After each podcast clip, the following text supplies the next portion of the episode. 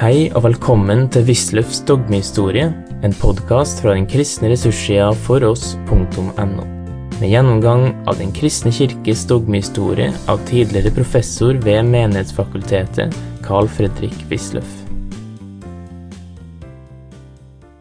Talt om eh, de hovedretningene i forrige hundreår, nemlig de konservative retningene med Erlangerne ikke minst, og eh, nylutheranerne.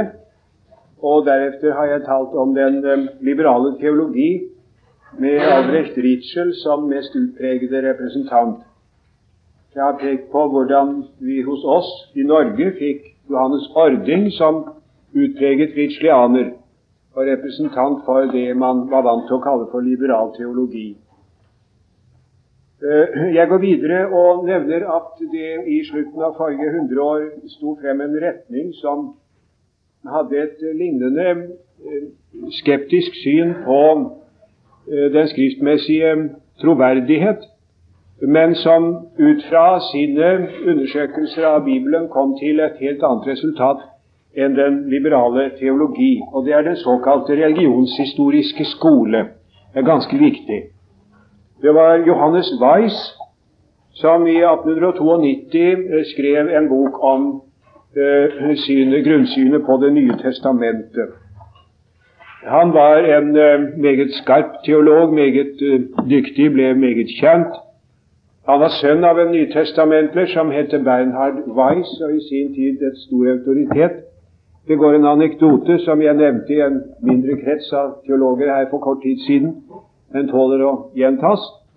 Uh, anekdoten var den at uh, han under et seminar var blitt møtt med en eksegetisk argumentasjon som studenten gjorde oppmerksom på han hadde hentet ifra Bernhard Weiss. Og da sa Johannes Weiss ganske tørt Beweis ist jetzt kein Beweis. Johannes Weissers grunnsyn var at det, det nye testamentet fremfor alt er preget av um, eschatologien. Det var jo det svake punkt i den liberale teologi. Det gudsrike begrep som man der hadde, var fremfor alt etisk betonet. Guds rike var vår sedlige oppgave, lærte jo Albrecht Ritschel. Det var en utpreget borgerlig religionstype, skulle man kunne si, den liberale teologi. Nå kom Bernhard Weiss, og senere også enda mer eftertrykkelig uh, den berømte Albert Schweitzer, og viste at Jesus, så langt som vi i det hele tatt kan få tak i hans skikkelse i Nytestamentet, var apokalyptiker. Han var en apokalyptiker. Han ventet verdens undergang og veldige begivenheter som skulle finne sted. Her var ikke noe av den eh, pene borgerlige sedelighet som man finner ifølge de liberale teologene. Det hele hadde et ganske annet grunnpreg. Det var parusien som var det store ordet i Det nye testamentet, og i den efterpåfølgende tid er den uteblitte parusi det store problem. Eh, hvordan man altså ventet på den eh, parusi som ikke kom, og hvordan denne uteblitte parusi så etter hvert formet synet på hva kristendommen var. Jeg har eh, allerede ved begynnelsen av mine forelesninger her nevnt at det i den nyere tid er kommet en hel dogmehistorisk fremstilling som legger dette eh, grunnsynet eh, til grunn, eh, nemlig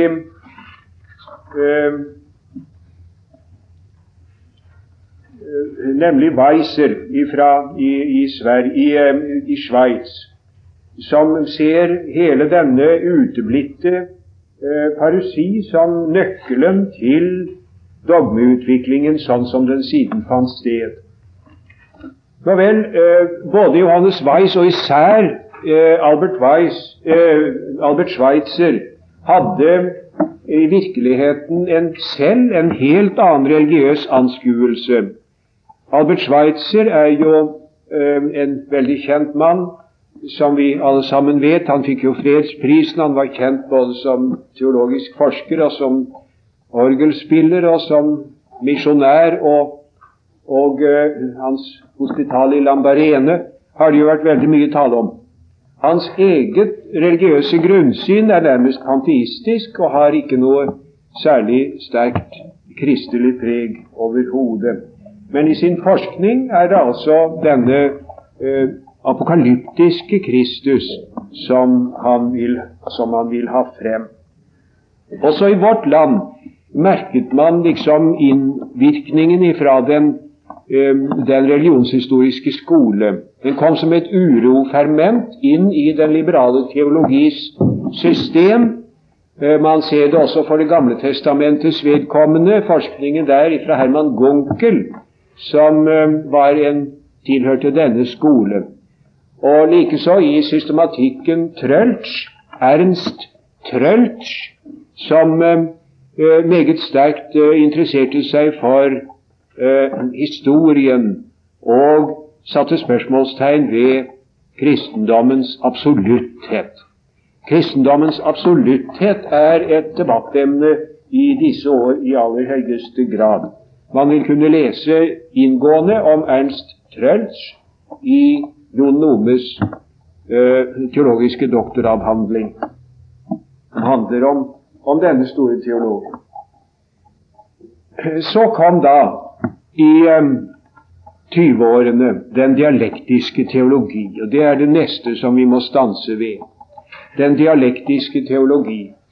Det er Karl Barth først og fremst, men også Emil Brunner og eh, Rudolf Bultmann og Gogarten og flere andre som i sin tid spilte en meget stor rolle.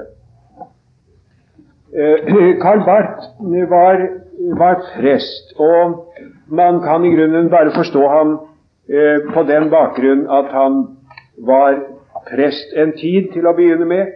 Han har nemlig det syn at teologien fremfor alt skal tjene forkyndelsen. Jeg skal preke på søndag, det er min nød, og hva skal jeg da si? Hva skal jeg bringe for et budskap? Det syntes han at teologien overhodet ikke hadde hjulpet ham det aller minste med. Inntrykksfullt har han skildret hvordan han vognet til forståelse for problemene ved å sammenligne seg med en mann som i belgmørket går oppover et kirketårn. Oppover og oppover i et kirketårn. Så snubler han, og så griper han ut efter noe å holde seg i, og får da tak i repet til kirkeklokken. Og dermed ringer det ut i natten så det høres, høres uh, vide veier. Og det må sies at lyden ifra klokken som han slo i slo på, den ble i sannhet hørt vidt og bredt. Eh, det var hans bok 'Drømerbrief' som kom i første utgave i 1919, og i annen utgave, betydelig omarbeidet, i 1922.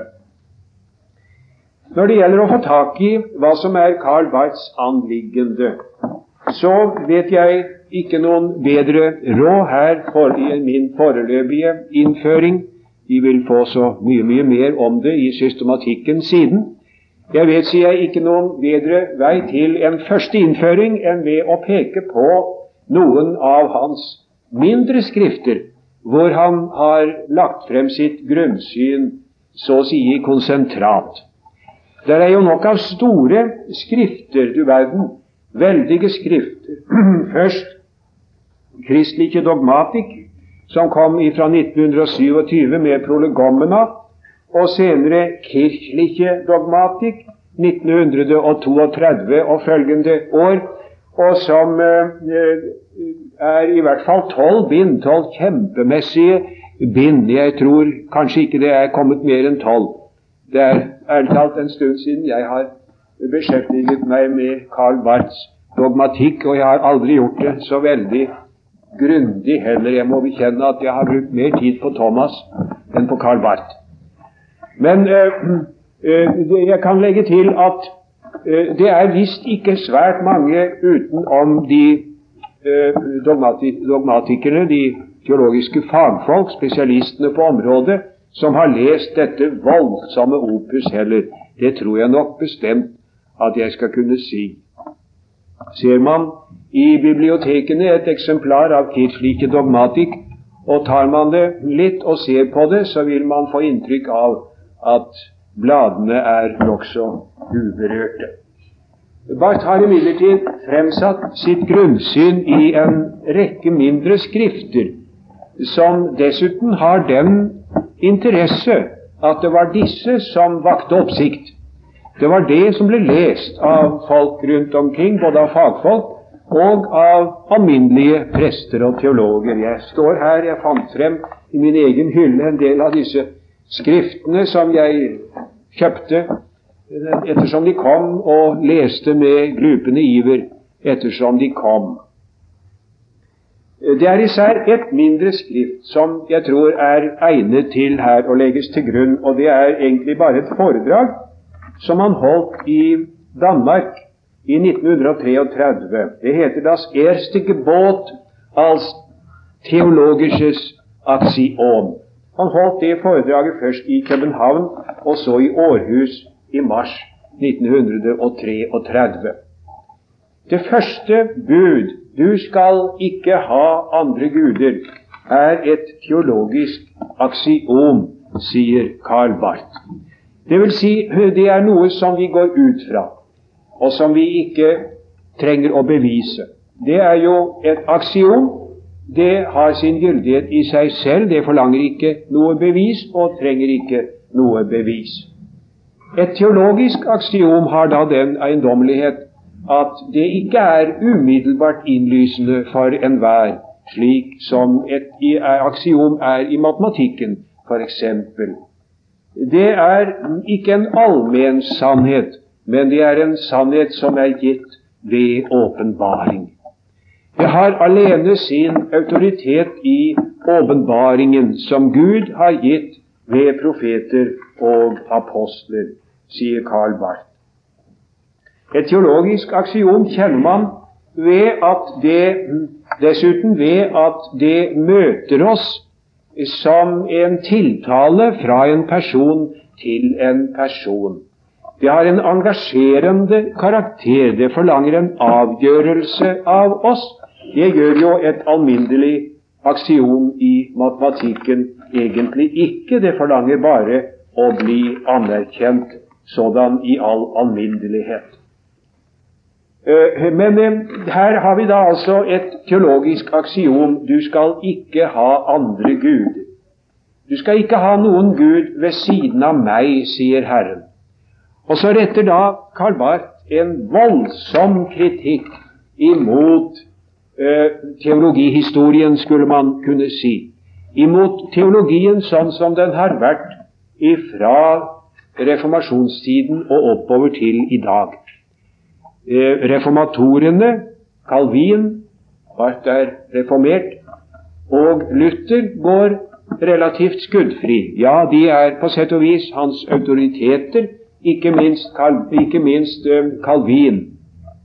Men senere er det verre. For ulykken er den at uh, man har opp gjennom tidene alltid hatt et og uh, Gud og et eller annet. Jeg siterer. Jeg oversetter det for enkelhets skyld her. Så sa man på 1700-tallet åpenbaring og fornuft. Så sa Schleiermacher åpenbaring og religiøs bevissthet. Så sa Albrecht Ritzel og hans folk åpenbaring og kulturetos.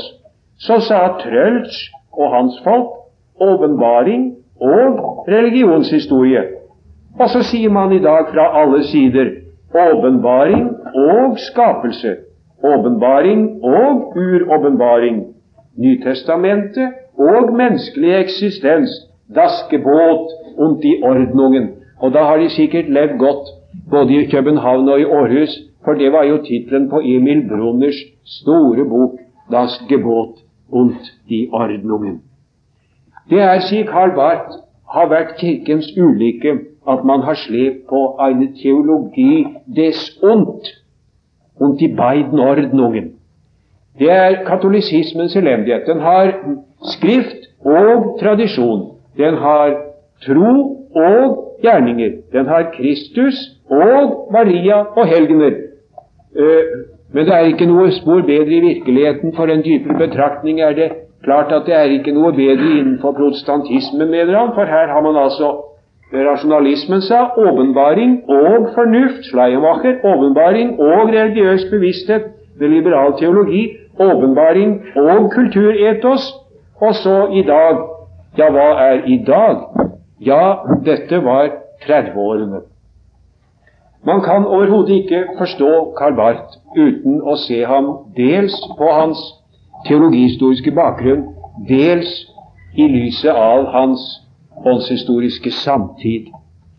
Når det gjelder den teologihistoriske bakgrunnen, så har jeg allerede antydet den her. Han er veldig streng i sin dom over teologene slik som de har ordnet det, fordi de ikke klart, sterkt og utvetydig har holdt seg kun til åpenbaringen, men alltid også hatt et eller annet annet. Og aller verst er det, mener han, i det eh, på 1800-tallet. Eh, han dømmer veldig strengt om Schleiermacher. For eksempel Schleiermacher, det var det verste vi hørte i min studietid. Schleiermacher. Det var selveste utgangspunktet for all elendighet. Og eh, det, den liberale teologi blir dømt, men det blir også den konservative teologi. Det blir hos Karl Barth ikke mindre også pietismen, for den har sin fromhet som noe der står ved siden av åpenbaringen. Der er det religiøse mennesket, det fromme mennesket, en egen storhet som det gjelder å ta hensyn til. Og det vil han altså ikke finne seg i. Og når det gjelder samtiden, hva er det da? Ja, da er det det nasjonalsosialistiske Tyskland. Karl Barth var lidenskapelig engasjert i motstanden mot nasjonalsosialismen, og da især av dennes eh, kirkelige pendant, eller kirkelige utgave, nemlig de såkalte Deutsche Christen. Deutsche Christen var jo eh, den retningen innenfor den tyske evangeliske kirke som eh, sa et fulltonende ja til Hitler og nasjonalsosialismen, som så dette som en gjenfødelsens tid for den tyske nasjon, og som så Kirkens redning deri at den i tide skulle si ja og gripe denne store mulighet som nå eh, bød seg for Kirken til å medvirke i Tysklands redning, Tysklands gjenfødelse. Men, sier Karl Barth, der har vi atter et sånt et ondt. Her har vi altså de rasse ved siden av åpenbaringen. Das Volkstum ved siden av åpenbaringen. Og så fører det til alle hånde kjetterier, antisemittismen, og til uh, dette at man uh, liksom absoluterer sitt eget folks tom. Uh, dette prekte de veldig meget om, de som tilhørte bekjennelseskirken. Jeg minnes en preken jeg hørte i Berliner domkirke i, eh, i september, nei, slutten av august 1937 av en prest. Han leste opp teksten om Elias og Akab. Og eh, hvor, hvor, Elias sier 'Hvor lenge vil I halte til begge sider?' Er Herren Gud, så tjen ham. Er Baal Gud, så tjen ham. Og så skildret han da Baal-dyrkelsen som noe som liksom var vokset religiøst sett opp av folkets eget blod und boden.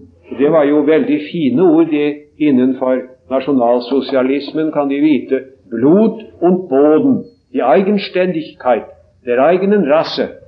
Det var jo selveste eh, åpenbaringen, det for dem som sto utenfor Kirken og de som var i kirken, men var nasjonalsosialister, de hadde i det aller minste et ondt. Barth og hans folk sa på det aller sterkeste nei til det. Det er denne eh, forståelse som preger den berømte eh, erklæring fra Barmen i 1934. Det var et eiendommelig og meget bemerkelsesverdig aktstykke. Det er, for å ta hovedpunktene i det, en uttalelse av lutherske, reformerte og unerte kirkers representanter. Og de sier der, siterer først Jeg er veien og sannheten og livet, ingen kommer til Faderen uten ved meg. Sannelig, sannelig sier jeg eder, den som ikke går inn gjennom døren til forestien, men stiger over noe annet sted, han er en tyv og en røver. Jeg er døren. Og så heter det Jesus Kristus, vi er uns in der heiligen Schrift bezeugt wird, ist das eine Wort Gottes, das wir zu hören, dem wir im Leben und im Sterben zu vertrauen und gehorchen haben. Han er det ene Guds ord. Ikke noe ondt. Ikke noen teologi des ondt unter ordningen. Men han er das eine Wort Gottes. Det er hovedpunktet her i eh, Barmenerklæringen. Nå viste det seg, men det kan jeg ikke gå mer inn på i denne sammenheng, jeg nevner det bare, at de eh, unerte, eh, altså de prøyssiske og andre unerte kirkers representanter, de som i en eller annen fasong eh, var liksom både lutherske og reformerte i en enhet, det var de som tok makten i denne bekjentnisbevegung som dannet seg. Og de bekjennelsestro lutheranere trakk seg mer forsiktig tilbake. Det er i høy grad et kontroversielt spørsmål hvem som her gjorde riktig, og hvem som gjorde galt.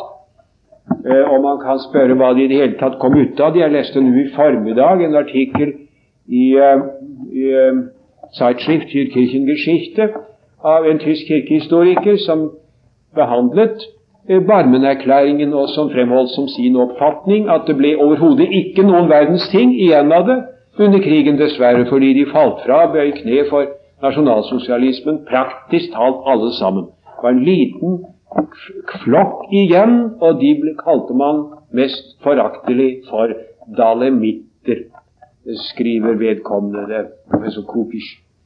Eh, dalemitter, det Dalem var den eh, Dalem var den eh, menigheten i Berlins vestkant hvor Niemöller, den berømte Niemöller, var, var prest.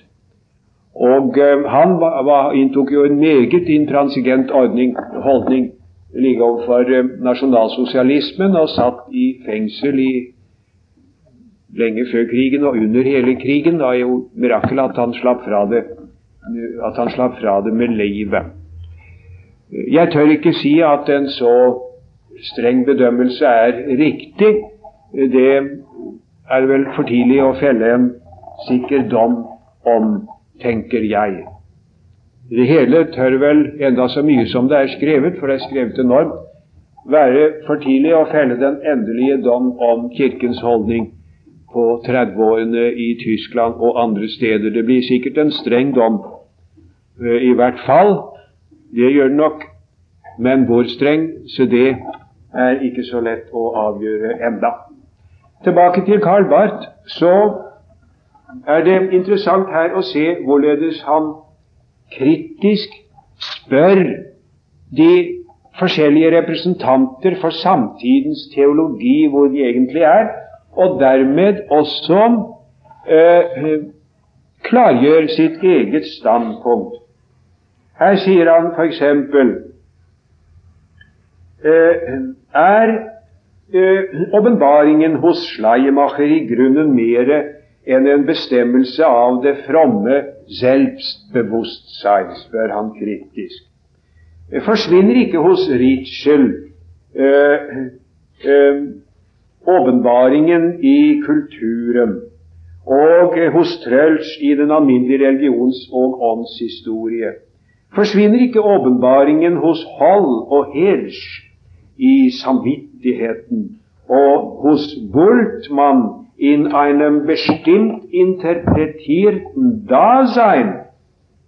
Ich muss fragen, äh, ich muss auch gegenüber Brunner und Gogarten fragen, ist nun eigentlich Gott mehr als ein anderes Wort für den Nächsten? Das Gebot mehr als ein anderes Wort für die Ordnungen? Die Rechtfertigung mehr als ein anderes Wort für das Leben in diesen Ordnungen und gegenüber Bultmann, ob Theologie und Anthropologie nun wirklich auswechselbare Begriffe sein sollen. 1933. Eh, det har vært meg en kilde til forundring i mange år at det ble sånn oppstuss om Bultmann her etter krigen. Eh, professor D.A. Frøvik sto på dette kateteret i 1931 og forklarte oss alt sammen. Det var ikke en bøss nytt for meg da det kom. Ut fra Boltmanns Jesusbok av 1926, var det vel. Eh, og eh, her ser vi altså at Barth stiller akkurat det kritiske spørsmålet i 1933 i dette foredraget. Han må spørre Boltmann er teologi og antropologi nå så virkelig det samme er, er uh, evangeliet er åpenbaringen uh, er, er åpenbaringen nå altså faktisk bare en bestemt interpretasjon av mein eigenes Dasein? Det er akkurat de spørsmål som har vært drøftet hele tiden man så det hos Barth ved denne anledning. Jeg har villet gjøre det på denne måten for å forsøke å få frem Barths Eh, teologiske og kirkelige anliggende. Han kritiserer Kirken fordi den har lyttet til alle ting unntagen til Gud, og kaller dermed alle til en veldig bot. Eh, det gjør, det gjør Karl Barth. Og Det var liksom noe tidstypisk her i 1930 ved det store Olavs jubileum og jubileer, det har jo lett for å bli at man blir selv også nokså stor når man jubilerer. Uh, han, uh, det var en ung prest som formante oss alle sammen til å jubilere med måte og heller gjøre bot i sekk og aske i, uh, med minne av den hellige Olav i 1930, og ikke gi seg av med all slags korkopper og stas og fjas som han skrev. Det var alminnelig forvirring. Det var ikke Indremisjonen som hadde kalt til uh, bot, hvilket man jo da etterpå syns at det burde ha vært. Men det var en ung prest fra universitetet som var kjent for å være bartianer. Et nokså Det var Asbjørn Bakken. Det var nokså uh, sa i grunnen sånn i et glimt litt grann om, situasjonen her hos oss. Når man så ser nærmere på Karl Barths teologi, så viser det seg imidlertid at uh, den er ikke den uh, ortodokse læretype som man skulle få inntrykk av efter det som jeg hittil har sagt. Den er faktisk ikke det. For Karl Barth beholder nemlig for det første Eh, den historiske skepsis overfor den uh, historiske skepsis overfor den historiske troverdighet av Det nye testamentet. Han gjør det, og gir endog den aller mest radikale bibelkritikk åpent rom. Han uh, sier videre at åpenbaringen er egentlig, og Guds ord, som vi hører så meget om, er på ingen måte identisk med er på ingen måte identisk med uh, Bibelen. Bibelens ord er ikke Guds ord, men kan bli Guds ord når Gud taler til oss. Man kan heller ikke si at den historiske Jesus er Kristus, og i virkeligheten så blir eh, frelsen heller ikke til i kraft av en historisk handling, frelsesgjerning av eh, Jesus, Guds sønn. Det er i virkeligheten en evig handling som stadig pågår, eh, som Barth hevder er det avgjørende. Dette er den tolkning vi finner i den utmerkede lærebok som de har hos Heggelund. Og det er med stor interesse jeg konstaterer at den langt på vei dekker seg med den Barth-kritikk som Olav Wallen Senstad fremla her midt på 30-årene i sin bok 'Karl Barths panteistiske teologi og Den norske kirke'. Jeg sier ikke at han har at Heggelunds tolkning er nøyaktig den samme som Valen Senstads. Jeg sier ikke det. Men jeg sier at den i viktige drag faktisk dekker seg med dennes. Det var ytterst få, om overhodet noen, som ville høre på Valen Senstad den gangen jeg skulle anta at om den bok for alvor ble tatt frem igjen, flere ville lytte til den. Eh, Heggelund, eh, så langt jeg kan forstå med full rett, tar her et utgangspunkt i Karl Barths predestinasjonslære. Han er jo eh, reformert teolog og lærer og doserer den en dobbel predestinasjon. En dobbel predestinasjon til frelse og fortapelse. Men vel å merke ikke sånn som hos Calvin, eh, at det er bestemte mennesker som er utvalgt til frelse, og andre som er utvalgt til fortapelse av Gud i en utgrunderlig nådehandling. Nei, det, eh, objektet for både utvelgelse og forkastelse er i ethvert fall Sønnen. Det er Sønnen som er utvalgt, og Sønnen som er forkastet.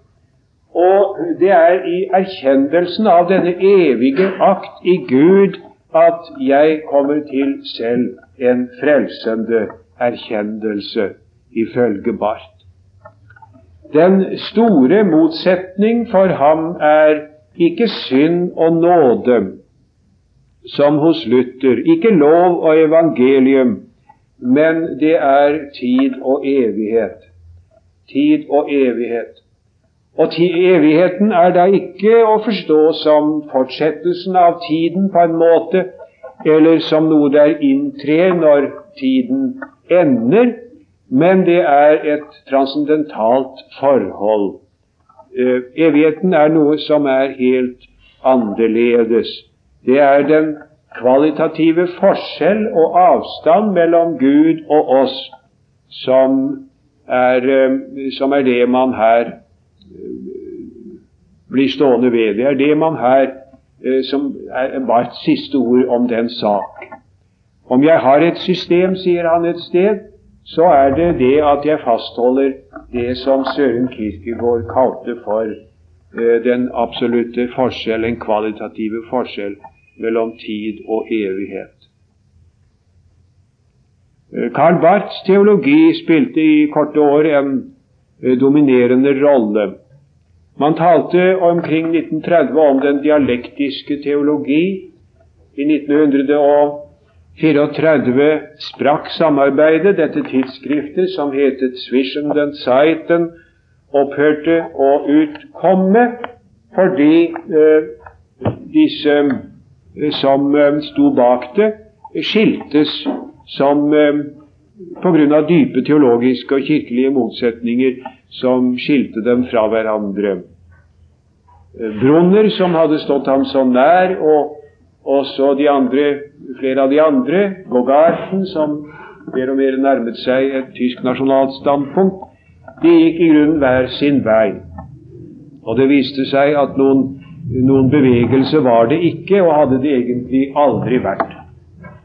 Og så, efter krigen, så har en av uh, dialektikerne fra 1920-årene dominert samtalen en tid, og det er Rodolf Bultmann.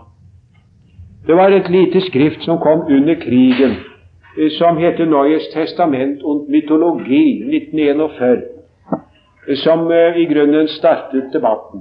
Det er lite nytt i det. Jeg undres om det egentlig er noe egentlig nytt i forhold til hans Jesusbok fra 20-årene, og som jeg siterte for dem, Barth har jo stillet de kritiske spørsmål allerede tidlig på 30-årene.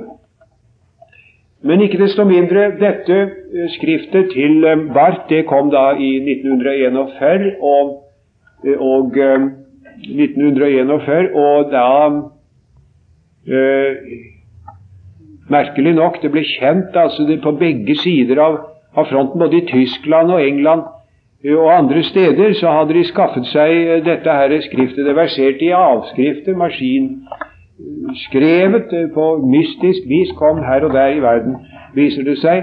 Og en hel diskusjon pågikk under krigen. Det ble da trykt en del av det i et samlebind som kom etter, etter krigen. Det er et av de skriftene som har vakt størst oppmerksomhet på meget lenge. Man kan si at det hos Boltmann er at hans grunnsyn er sammensatt av, av flere komponenter.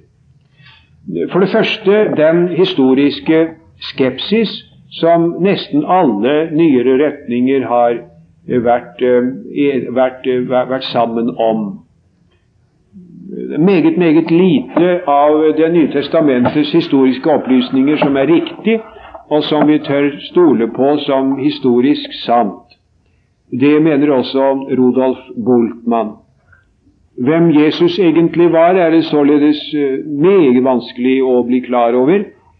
For eh, de evangeliene er, mener han, og det var ikke han den første som sa, det sa jo allerede Martin Kehler og andre, Eh, det er eh, ikke biografier, men det er eh, skrifter som er forfattet i det øyemed at de skal forkynne om, om Kristus. Så en voldsom skepsis på det punkt. Det er det ene. Og det andre det er hans mytte, myttebegrep. Han sier nemlig at det nytestamentlige verdensbildet er mytisk, ikke mystisk, som det står her i, dessverre ved en trykkfeil, men mytisk. Uh, og, og, hva er det da som er mytte her? Ja, det, uh, det er da det karakteristiske for Boltmanns betraktning at Eh, det, det, er ikke bare et og annet mytisk drag. Det er det jo mange som har kommet med da, og sagt som så at, eh, at eh, det er mytiske drag i barndomsberetningen, det er mytiske drag i oppstandelsesberetningen, det er noe her, og noe der. Men alt er mytisk. Hele verdensbildet er mytisk.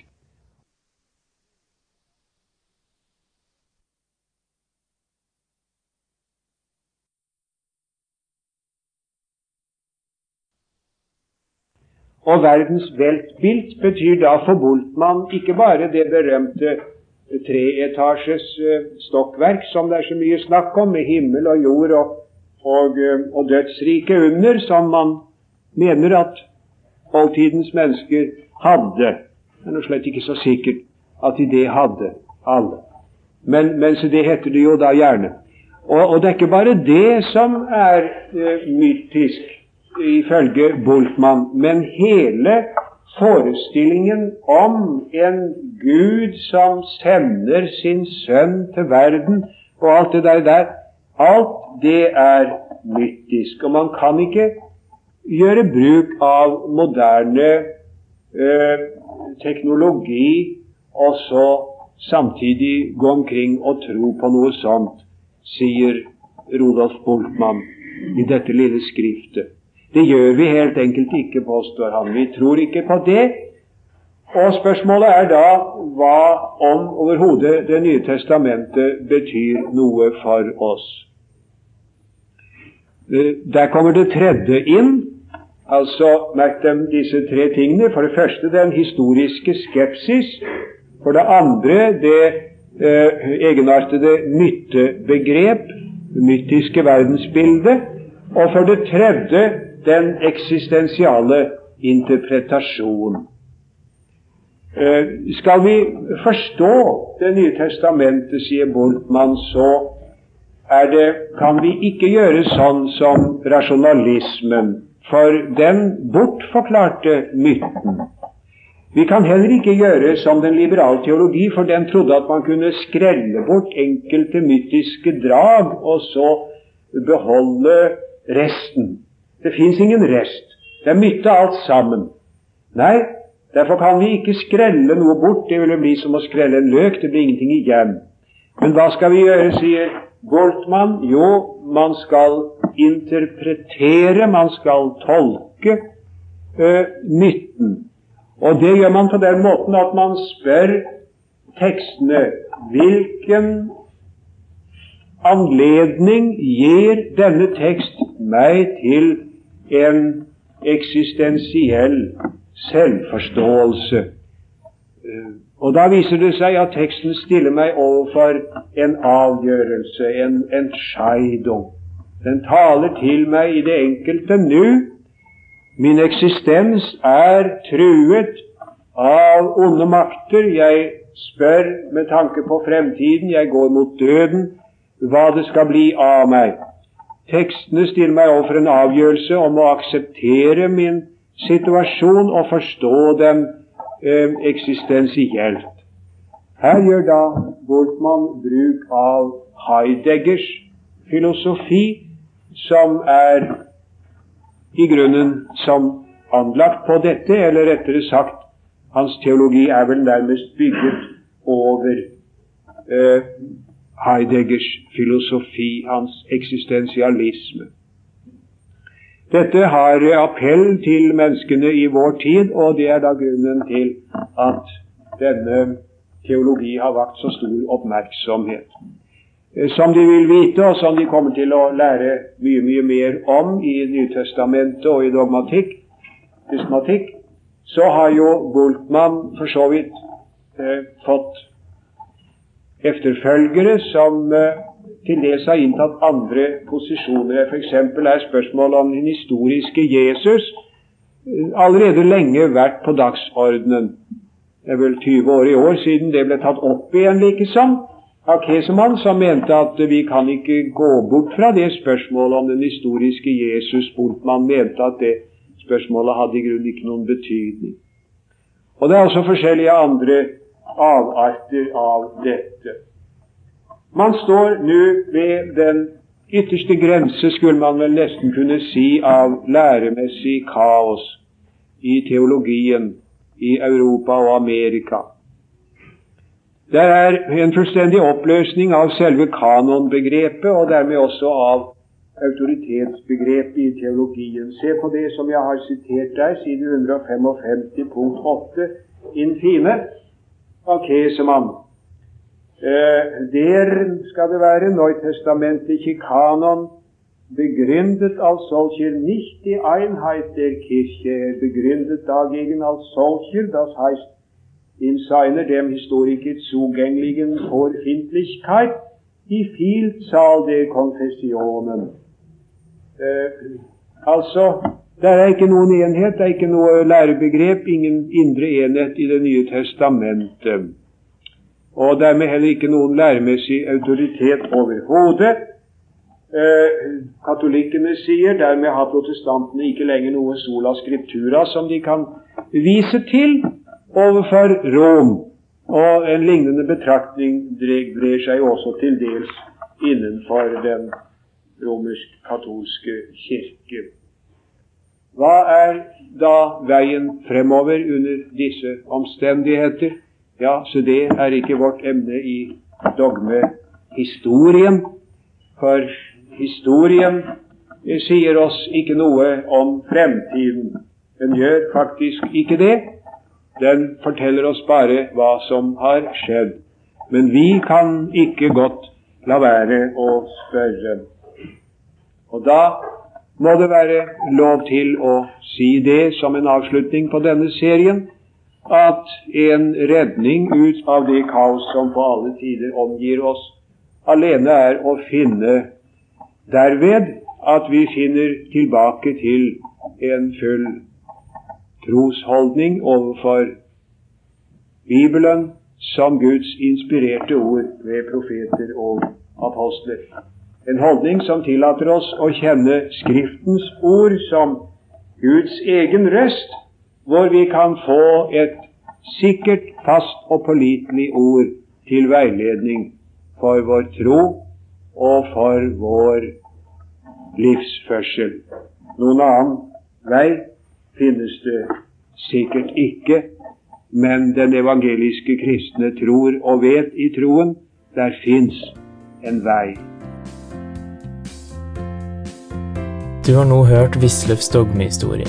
Finn flere ressurser og vær gjerne med å støtte oss på foross.no.